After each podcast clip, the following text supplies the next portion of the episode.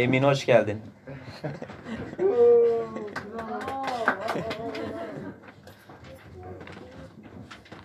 Heyecanlıyım. O yüzden sana atıyorum her şeyi böyle. Sana odaklansınlar. evet çocuklar gittiğine göre okuyabilirim şimdi. Tanrı kendi suretimizde kendimize benzer insan yaratalım dedi. Denizdeki balıklara, gökteki kuşlara, evcil hayvanlara, sürüngenlere, yeryüzünün tümüne egemen olsun. Tanrı insanı kendi suretinde yarattı. Onu Tanrı'nın suretinde yarattı. Onları erkek ve dişi olarak yarattı. Sonra Adem'in yalnız kalması iyi değil dedi. Ona uygun bir yardımcı yaratacağım.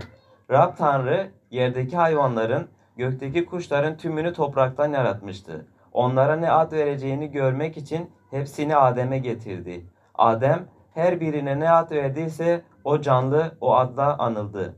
Adem bütün evcil ve yabanıl hayvanlara, gökte uçan kuşlara ad koydu ama kendisi için uygun bir yardımcı bulunmadı. Rab Tanrı Adem'e derin bir uyku verdi. Adem uyurken Rab Tanrı onun kaburga kemiklerinden birini alıp yerine etle kapadı. Adem'den aldığı kaburga kemiğinden bir kadın yaratarak onu Adem'e getirdi. Adem işte bu benim kemiklerimden alınmış kemik, etimden alınmış ettir dedi. Ona kadın denilecek. Çünkü o adamdan alındı. Bu nedenle adam annesini babasını bırakıp karısına bağlanacak. İkisi tek beden olacak. Adem de karısı da çıplaktılar. Henüz utanç nedir bilmiyorlardı.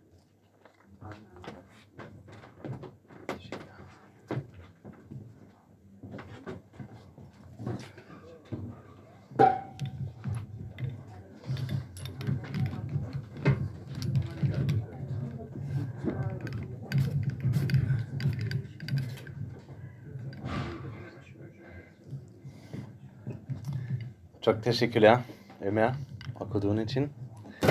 Um, evet, benim adım Simon ve ben bugün size vaaz vereceğim.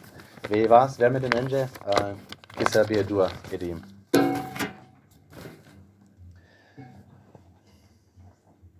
Ya göklerdeki babamız sana geliyoruz ve ya seni seviyoruz. Ve lütfen bugün bizi konuş.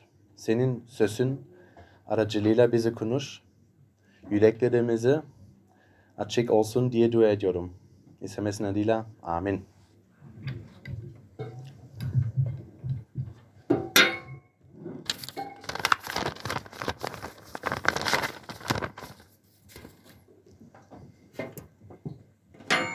Evet. Um, biz iki hafta önce um, Tanrı'nın yaratışı hakkında konuşmaya başladık. Uh, ilk olarak Tanrı'nın genel yaratışına yani Tanrı'nın bu dünya ve bu evreni nasıl yarattığını baktık. O güneşi, yıldızları, um, hayvanları, bitkileri ve insanı sırayla, um, sırayla yarattı. En son yani yedinci günde uh, Tanrı dinledi, dinlendi. Geçen haftanın konusu Tanrı'nın bize verdiği uh, yönetim çağrısıydı. Ve bugünkü konu insanların ilişki içinde yaşamak için yaratılması. Ve kutsal kitabın bakış, bakış açısına göre Tanrı ilişkisel bir Tanrı'dır. Ve bugün metninden üç farklı şey öğrenebiliriz. Siz de e, elinizdeki bültende okuyabilirsiniz. Neden ilişkiye ihtiyacımız var? Hangi türde bir ilişki gerekli? Ve ilişkinin anahtarı nedir? Neden ilişkiye ihtiyacımız var? Hangi türde bir ilişki gerekli? İlişkinin anahtarı nedir? Birinci noktayla başlayalım. Neden ilişkiye ihtiyacımız var? Yaratılışta Tanrı'nın her şeyi, şeyi yarattığını görüyoruz. Söylediğim gibi ışık, geçe, e, hayvanları, e, bitkileri, um, her şey yaratıyor. Tanrı yaratıyor. O yaratıyor. Tanrı insan yaratıldığında ilk defa biz diyor. Kendisini çoğul olarak betimliyor. 26. ayette Tanrı kendi suretimizde kendimize benzeyen insan yaratalım dedi. Belki bunu ilk defa duyuyorsun. Veya belki önce duydun ve Hristiyanların üç tanrıya inandıklarını düşünüyorsun. Ama hayır. Tanrı tek bir tanrıdır. Ve üç farklı kişi de kendisini gösteriyor. Baba, oğul ve kutsal ruh. Bu üçlü birlik. Şahsi bir tanrı. O tanrı sevgidir. Diğer dinlerde bu nasıl? Bir tanrı insanları yaratmadan önce kimi sevebilir ki? Sevgi ve ilişki sonra geliyor. Ama kutsal kitaptaki tanrı nasıl? Evvelden ezele kadar sevgi içinde. Baba, oğul ve kutsal ruh. İlişki onun karakteri, onun duası, onun varlığı. Tanrı sevgidir ve Tanrı yaşamdır. Tanrı e, 18. ayette Adem'in yalnız kalması iyi değil dedi. Ona uygun bir yardımcı yaratacağım diyor. Tanrı, Tanrı ışık geçe um, hayvanları, e, bitkileri, e, dağları yarattıktan, yarattıktan sonra bunun iyi olduğunu söylüyor. Ama Adem'i yarattıktan sonra bunu iyi olduğunu söylemiyor. İyi değil. İyi değil ne demek? Sanki bir eksiklik var. Ve evet bir eksiklik var. Ama Tanrı'nın hata yaptığını düşünmüyorum. Neden Adem tek kişi olarak tamamen yeterli değildi? Neden ilk insan Adem gibi bir bahçesi, bahçesinde, bahçede yalnızken mutlu değildi?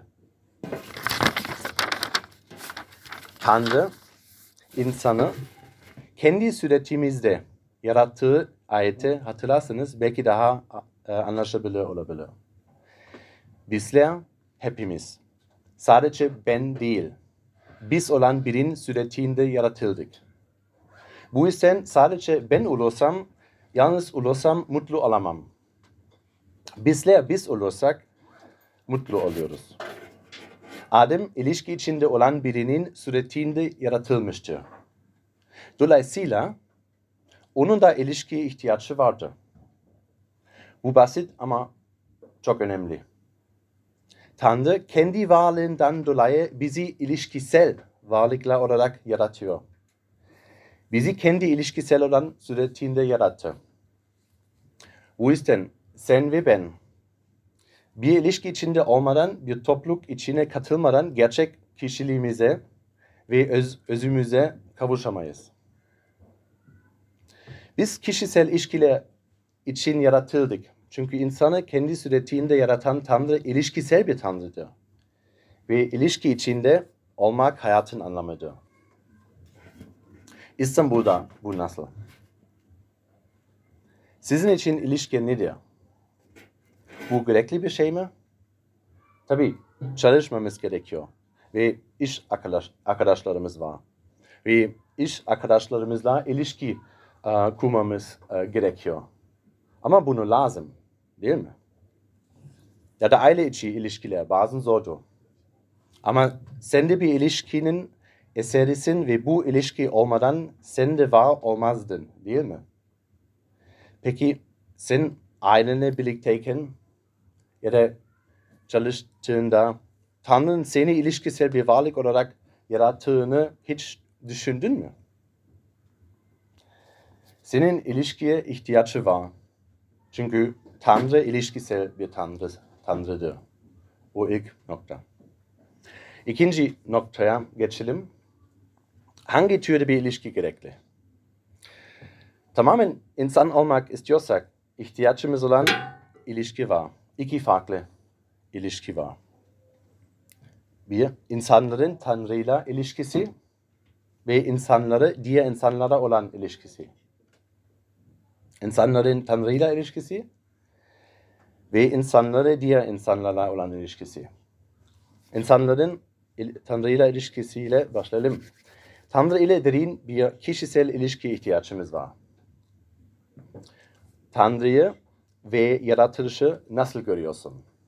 Bazı filmlerde, Hollywood'da, e, yaşlı bir adam, e, beyaz sakalı bir adam bir yerde oturuyor, bir, bir şey söylüyor ve um, her şey olur böyle bir resim gösteriliyor bazen. Ama yaratılışı daha iyi anlamak için um, kutsal kitaptaki başka yaratılış hikayesine bakalım. Ve evet başka yaratılış hikayesi de var. Farklı bir şekilde yazılmış. Tahminin olan var mı? Yuhanna 1. Doğru. Evet. 10 puan. Güzel. Evet. Örneğin Yuhanna 1. Um, örne, um, Yuhanna 1, ayet 1. Başlangıçta söz vardı. Söz Tanrı'yla birlikteydi. Birlikteydi. Ve söz Tanrı'ydı. Ayet 3. Her şey onun aracılığıyla var oldu. Var olan hiçbir şey onsuz olmadı. Ayet 14. Söz insan olup aramızda yaşadı. Onun yüceliğini babadan gelen lütuf ve gerçekle dolu biricik oğlunu yüceliğini gördük. Ayet 17. Kutsal yasa Musa aracılığıyla verildi. Ama lütuf ve gerçek ise Mesih aracılığıyla geldi. Ve son olarak ayet 18, Yuhanna 1, ayet 18. Tanrı hiçbir zaman hiç kimse görmedi. Babanın bağrında bulunan ve Tanrı olan biricik oğlu onu tanıttı. Baba oğul birlikteydiler. Oğul babasının bağrındaydı. Aklınıza başkasının bağrında olan başka kim geliyor? Anne ve çocuk. Çok yakın. İki aşık. Bu çok yakın. Ve bu bize neyi gösteriyor? Yaratılış bir işkisel elemdir. Yaratılış Tanrı'dan geliyor. Ama nasıl bir Tanrı?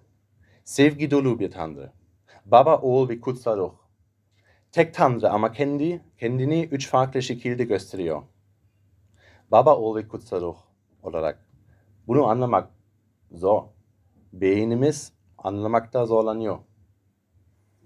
Ama kut- kutsal kitabın Tanrısı kendisini ilişkilerin ve sevginin Tanrısı olarak gösteriyor. Bu nedenle ayet e, 26. ayette şunu söylüyor. Tanrı kendi suretimizde kendimize benzer insan yaratalım dedi. Tanrı kendi sure- suretimizde insan yaratalım diyor. Tanrı insanı onunla ilişki içinde yaşayabilmemesi, onun varlığında, varlığına katılabilmesi için yarattı. Hristiyan olmayan insanlar Hristiyan inancı hakkında ne düşünüyor? Eğer dinliyorsan ve Hristiyan değilsen, Hristiyanların buna inandıklarını hiç düşünmüş müydün? İstanbul'daki insanlar Hristiyan inancı hakkında ne düşünüyor? Size söyleyeceğim. Bazı şöyle düşünüyorlar. Belki İstiklal Caddesi'ndeki büyük kiliselerden biri gidip bir mum yakıp şarkıları söylemek. Hristiyan olmak bu demek. Ama burada kutsal kitapta okuduğumuz şey şu. Onun kollarına çağrılıyorsun. Onunla sevgi dolu bir ilişkiye çağrılıyorsun. Ve sen Tanrı ile bir ilişki için yaratılmışsın. Sadece iyi olmaya çalışıyorum ve umarım beni seviyor değil. Sadece ona dua ediyorum. Umarım beni sever. Belki bazen işleri berbat ettiğimde beni sevmiyor değil. Sadece onun kurallarını tutmaya çalışıyorum. Ve umarım beni bereketleyecek. Umarım bir gün beni cennetine kabul edecek değil. Bahsettiğimiz şey bu değil. Metinde gördüğümüz şey bu değil. Hristiyan olmak ilk olarak kuralları tutmak değil, Tanrı ile ilişkide yaşamak. Onun yanında olmak. Ve Metin bu, e, bize bunu anlatıyor. Vefat eden e, bir e, pastör e, şöyle dedi. Hristiyan olmak?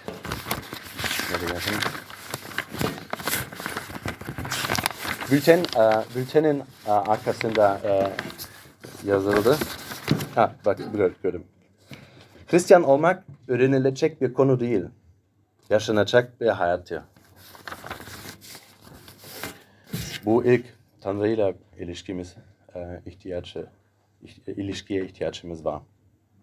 İkinci, insanla insanlarıyla ilişki. İnsanla ile derin bir kişisel ilişkiye ihtiyacımız var. Arın bahçesinde Adem'in her şeyi var.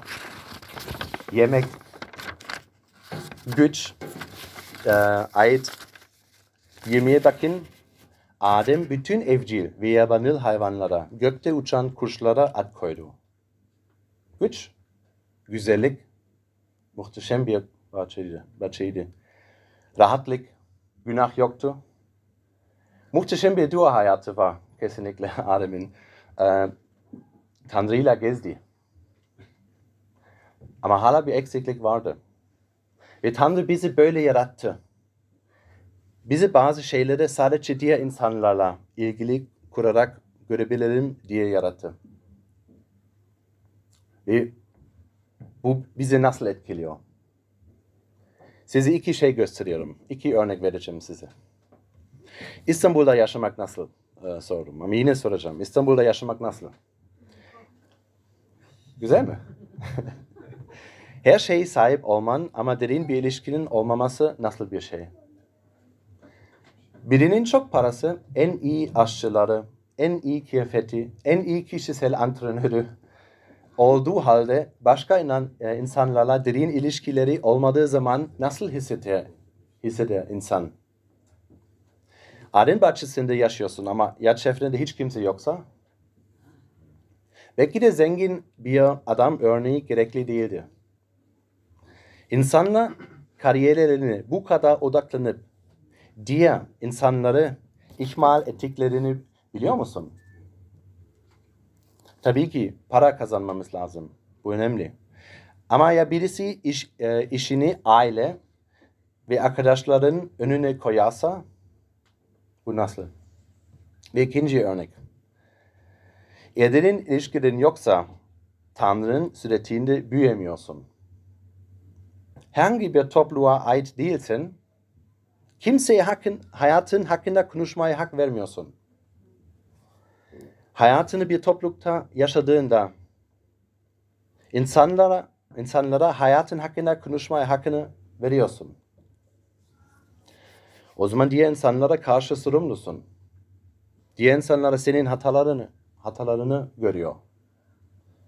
Aynı zamanda umutlarını onlarla paylaşıyorsun. Kutsal kitaba bakalım.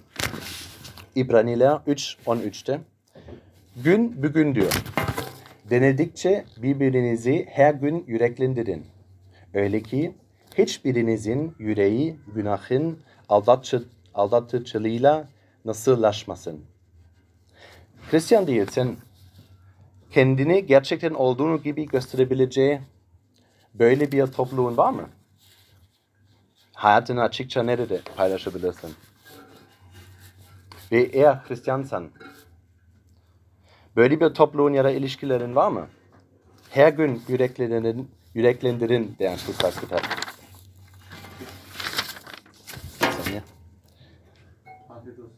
Teşekkürler.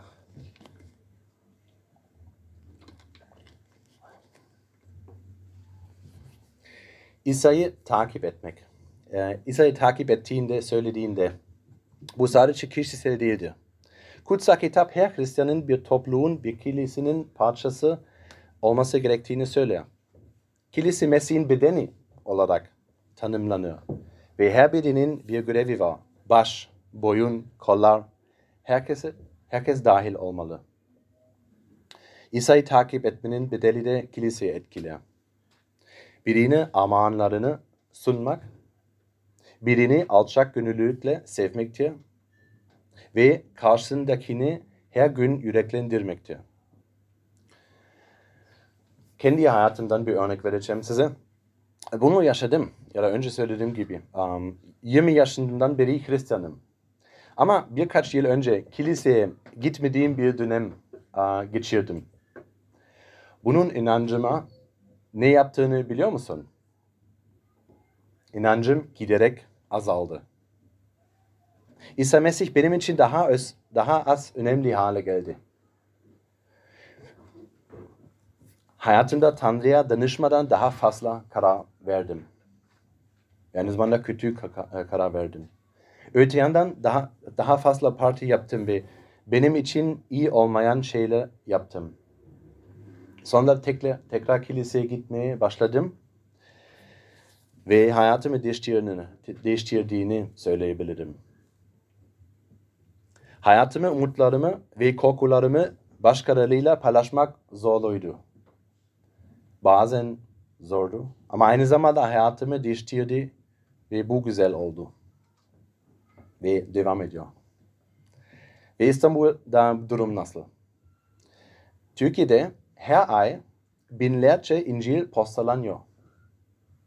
İnsanlar İsa Mesih'e, bazı insanları İsa e, iman ediyorlar.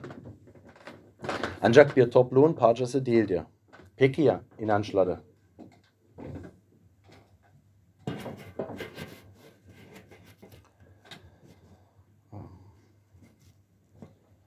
Pardon. Um, bunun yaşadım ve biliyorum zor oldu. Ve bunu görmek üzücü. Benim ailem mesela beni gördü ve çok üzü- üzüldüler. Ve bazen burada her yerde e, birisi İsa Mesih'e iman ediyor ve in- içinde bir ateş yanıyor.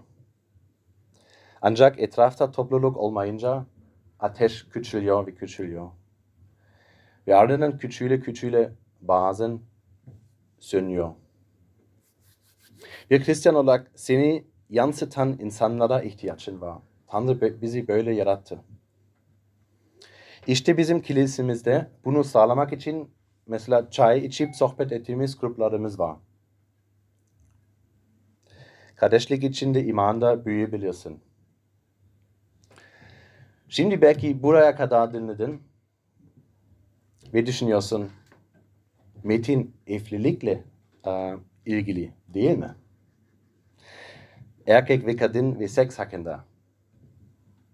Evet, bu doğru. Ama bugün konumuz bu değil. Evlilik ve bunun ne anlama geldiğini hakkında başka bir zaman konuşacağız. Bu arada Kutsa kitabın, e, Kutsa kitap tamamen mutlak, mutluluk, e, pardon, tamamen mutlu olmak için evli olmanın olman gerektiğini söylemez. Paulus'a hatta İsa'ya bakın. İkisi evli değildi. Ve Paulus Efesliler 5'te yazıyor. Efesliler 30 ve 31. Çünkü bizler onun bedeninin üyeleriyiz. 31.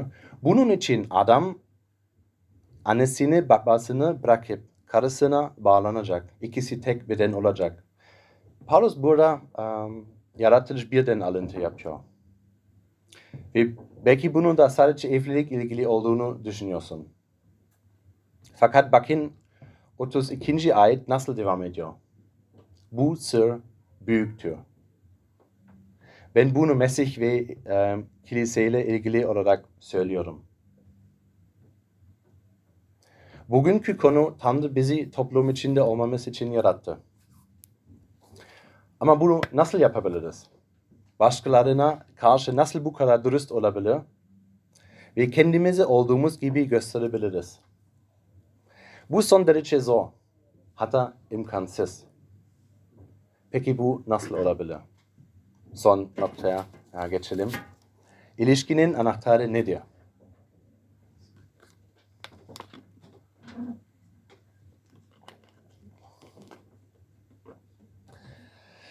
Adem Havva'yı gördüğünde ne diyor?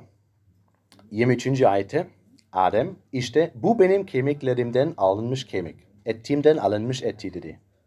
İşte bu dedi. Adem çok mutluydu. Sonunda karşımda kanlı çanlı benim gibi birini gördüm diyor. Adem bahçesinde kaybettiğimiz ama İsa Mesih aracılığıyla geri aldığımız bir şey vardı. İkisini de ortak olarak gördüğümüz bir şey. Ve bunu anlamak için anahtar ayet 25. ayettir. Adem de karısı da çıplaktılar. Henüz utanç nedir bilmiyorlardı. Böyle bir ilişkimiz yok. Bunu kaybettik. Bedenleri çıplaktı ve utanmıyorlardı. Kim olduklarını biliyorlardı. Birbirlerini tanıyorlardı. Ve bizim de tam olarak ihtiyacımız olan şey bu. Tamamen dürüst bir şekilde bilinmek ve buna rağmen sevilmek. Ama yapamıyoruz. Bu rahatlığımızı, bu özgürlüğümüzü kaybettik. Günah, Tanrı ve diğer insanların arasındaki ilişkiyi kopardı. Tamamen açık.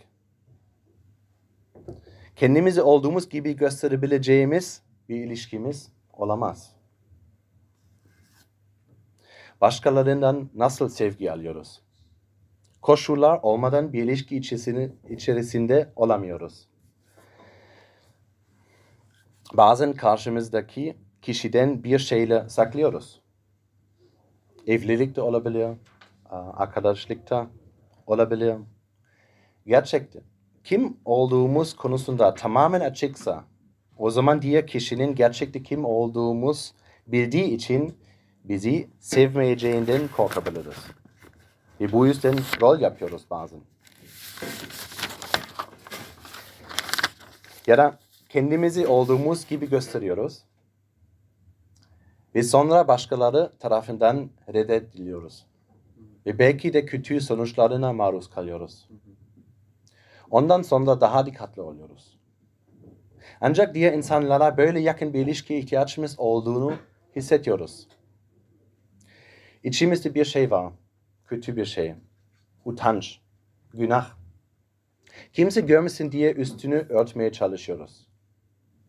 Günahtan dolayı bizim ilişkilerimizi bozuk. Hem Tanrı'yla hem de insanlarla.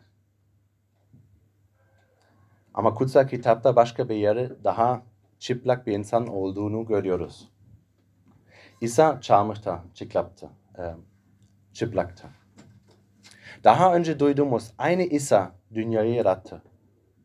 Aynı İsa. Yine Yuhanna 1 e, okuyorum. Başlangıçta söz vardı. Söz Tanrı ile birlikteydi ve söz Tanrı'ydı. Her şey onun aracılığıyla var oldu. Var olan hiçbir şey onsuz olmadı. Söz insan olup aramızda yaşadı. Ve bu İsa, Tanrı'nın oğlu, kutsal ve sevgi dolu. Bizi yaratan, var olan, her şeyden haberi olan, onsuz hiçbir şeyin var olmadığı Rab dünyaya geliyor ve insan oluyor. Tanrı'nın oğlu İsa, bizim yapamayacağımız, günahsız bir hayat sürmek için yeryüzüne geldi. Ve Tanrı sadece sevgi değil, aynı zamanda adil bir Tanrı olduğu için günahın cezası da olmalıdır. Ve günahın bedeli ölümdür. Ancak İsa Mesih bu bedeli bizim yerimize çarmıhta ödedi. İsa bizim yerimize öldü. İsa'ya inanıyorsak, İsa'nın çarmıhta çıplak olması sayesinde bizim günahlarımızı örtülüyor. Ancak İsa Mesih'e ve onun günahlarının pardon. Ancak İsa Mesih'e ve onun günahlarının için öldüğünü inandığında utanmayacaksın. Ve Tanrı'ya karşı dürüst ve açık olabileceksin. Ama sadece Tanrı'ya değil. Aynı zamanda diğer insanlara karşı da. Çünkü kimliğin artık sende değil. İsa Mesih'te olduğunu biliyorsun. Çünkü o İsa Mesih hepimiz gidir, gidirmek için ve artık utanmamız için bizim için çarmıhta çıplak ölen Tanrı'nın oğludur. Hristiyan olmak öğrenecek bir konu değil. Yaşanacak bir hayatı. İsa Mesih'te. Dua ediyorum.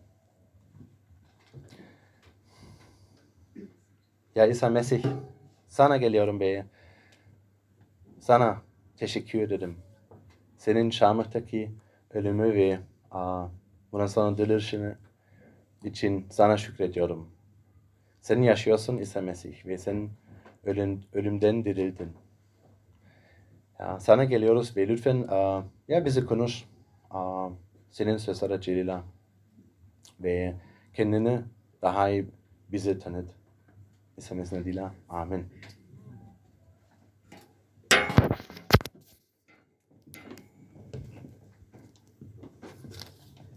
Teşekkürler Sinan abi.